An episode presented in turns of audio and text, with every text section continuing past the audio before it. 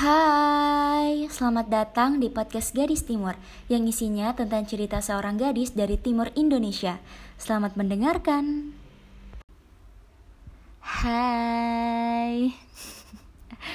um, walaupun openingnya udah ada high-nya, tapi aku kayak pengen aja gitu high lagi ke kalian. Anyway, masih dengan pertanyaan yang sama seperti sebelum-sebelumnya. Apa kabar hari ini? Pertanyaan yang klise sekali.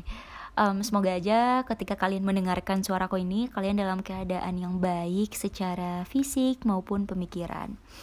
So, jadi hari ini itu um, isi dari pembahasanku agak berbeda dengan dengan sebelumnya karena hari ini tuh aku pengen aja gitu membahas sudut pandangku dengan kalian ya tentunya terkait dengan novel yang udah sekitar seminggu yang lalu aku baca yaitu novel tentang Sunyi di Dada Sumira.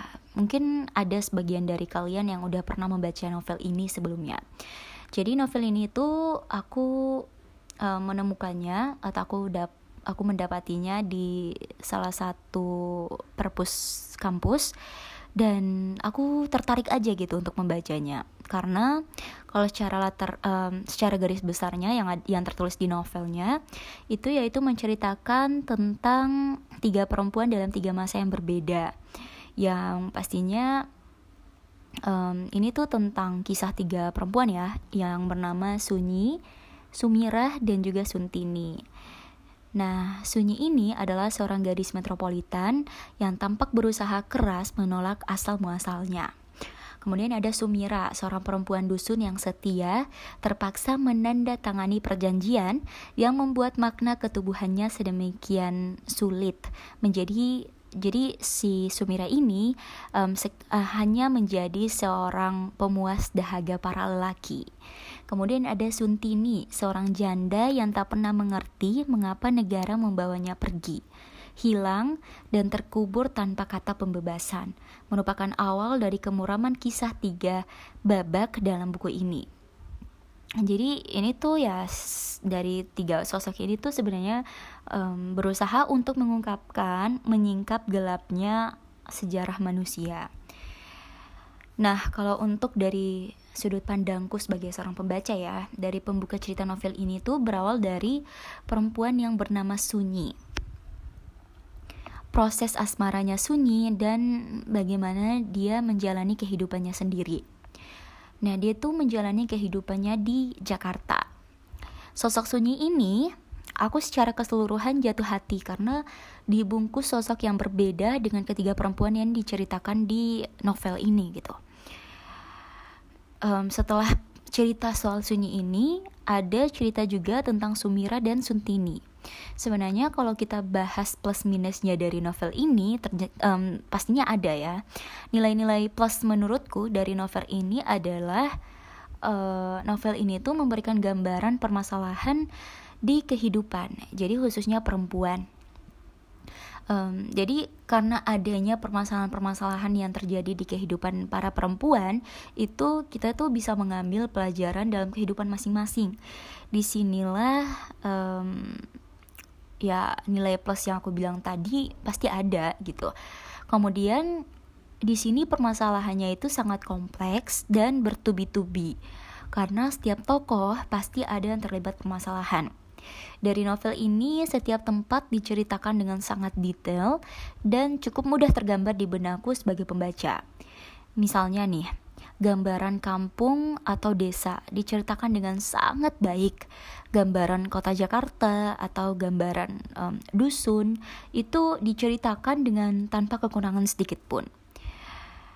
Namun sebenarnya minusnya dari semua kelebihan yang udah aku ceritakan tadi ya, itu aku pribadi agak kurang apa ya? Kayak agak ngerasa kurang aja dari novel ini. Dan setelah aku teliti lebih jauh, aku menemukan bahwa yang pertama novel ini kan awalnya dibuka dengan sosok sunyi yang diceritakan awalnya, awal dari novel ini gitu. Diceritakan tentang um, kehidupan sunyi di Jakarta seperti apa, kemudian kemudian percintaannya seperti apa. Harapanku sebagai seorang pembaca tadinya itu bisa ikut merasakan proses kasmaran dari si Sunyi ini. Namun ternyata hanya sedikit sekali kisah Sunyi dan kurang merasakan feel jatuh cintanya Sunyi gitu. Kalau dibilang sih kurang baper aja gitu. Padahal seharusnya ada perasaan itu, perasaan itu di saat um, si penulis ini menceritakan tentang proses jatuh jatuh cintanya Sunyi dengan sosok lelaki ini aku kayak kurang mendapatkan feelnya aku kurang baper aja dengan ceritanya Kemudian selanjutnya itu diceritakan tentang Sumira, itu ibu dari dari si Sunyi. Jadi Sumira ini seperti yang aku bilang di awal, dia itu sebagai pemuas dahaga atau nafsu dari lelaki-lelaki hidung belang. Kalau kita sebutnya ya Sumira ini sebagai seorang pelacur gitu. Jadi dia membuat kesepakatan dengan mucikari di luar sana yang mengharuskan dia untuk menjual tubuhnya selama 25 tahun karena waktu itu dia sedang mengandung.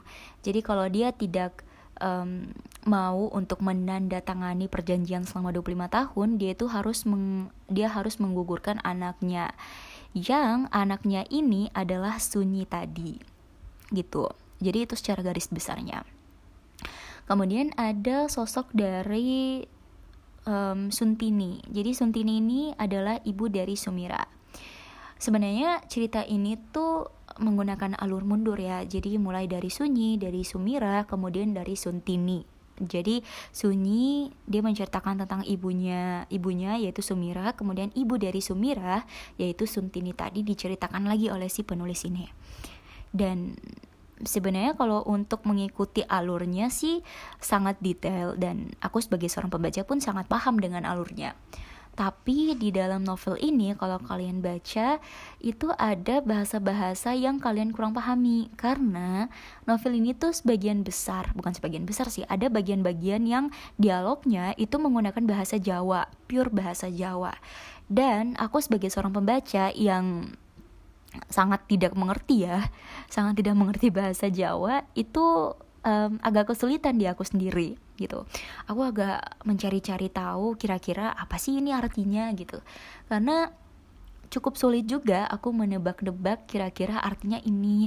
Oh kira-kira kalau dari kata ini tuh maksudnya seperti ini. Itu agak sulit dan tidak diletakkan terjemahannya di bawah. Biasanya kalau novel yang memuat atau ada uh, mengandung bahasa-bahasa asing atau kalimat-kalimat atau kata yang yang yang sulit untuk diterjemahin itu biasanya diletakkan di bagian bawah dari novel itu. Dari halaman itu biasanya ditaruh arti dari kata itu. Tapi di novel ini tuh tidak memuat hal-hal itu. Makanya ini sih agak menyulitkan. Bukan agak lagi sih cukup menyulitkan untuk aku sebagai seorang pembaca yang kurang memahami bahasa Jawa. Ya mungkin sih koreksiku itu ya sebagai seorang pembaca mungkin ada translate-nya atau terjemahannya dari bahasa Jawa ini ke bahasa Indonesia di bagian bawah halamannya supaya mudah untuk memudahkan aku aja untuk memahami dialog-dialognya. Dan um, mungkin kalau di bagian endingnya ya dari novel ini tuh aku agak bingung, agak bingung dan kurang mendapatkan klimaksnya aja gitu jadi aku tuh mencari tahu kira-kira um, si Sumira ini akan menikah dengan dengan Bongo Bongo Wonto kalau nggak salah. Akan menikah dengan sosok pria itu atau tidak gitu. Karena itu yang yang aku pengen tahu aja pada akhir dari isi novel ini gitu loh. Jadi dia tuh menceritakan tentang persyaratan si Sunyi uh, si Sunyi yang akan menikahkan ibunya Sumira dengan seorang pria jadi kalau si pria ini mau memiliki memiliki ibunya secara penuh, dia tuh harus bisa memenuhi kesepakatan dengan Sunyi, anak dari Sumira.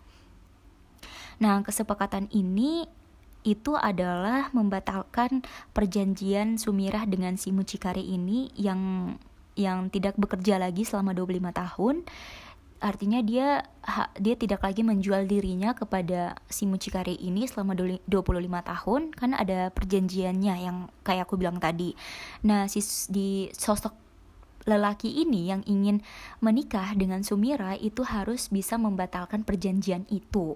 Kemudian dia harus bisa mencari um, makam Suntini pokoknya dia harus bisa mencari sosok Suntini ini sebenarnya masih hidup atau tidak. Karena keberadaan Suntini itu masih dipertanyakan oleh Sumira dan Sunyi berpuluh-puluh tahun yang lalu gitu. Jadi Sum, uh, Suntini ini hilang entah ke mana entah ke mana Sumi, uh, Sunyi dan Sumira tidak pernah tahu.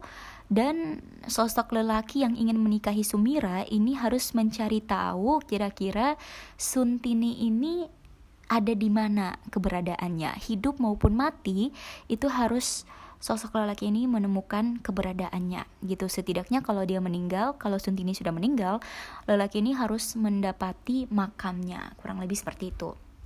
Dan um, akhir dari novel ini tuh kan sosok lelaki ini menemukan ya menemukan uh, mak makamnya jejak kehidupannya si Suntini dan sosok lelaki ini pun telah berhasil membatalkan perjanjian dengan perjanjian dari Sumirah dengan si Mucikari ini.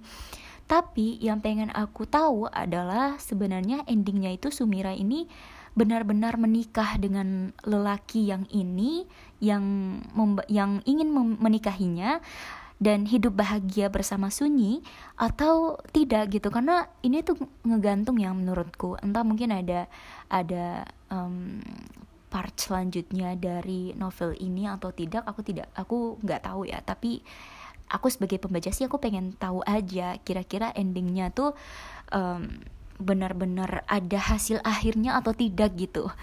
Dan ternyata nggak ada agak ngegantung aja menurutku mungkin itu aja sih kalau kalian pengen baca novel ini um, silahkan baca aja karena banyak banget pelajaran-pelajaran yang bisa kalian ambil dan mungkin hal-hal baik dari novel ini silahkan kalian um, bedah kira-kira mau yang diambil yang mana, yang dijadikan pelajaran yang mana, dan hal-hal yang kurang baik atau negatif ya diambil, ya jangan diambil buruknya. ya jadikan pelajaran dalam hidup kalian masing-masing aja. Kalau untuk rating dari aku sih novel ini bintangnya tiga ya.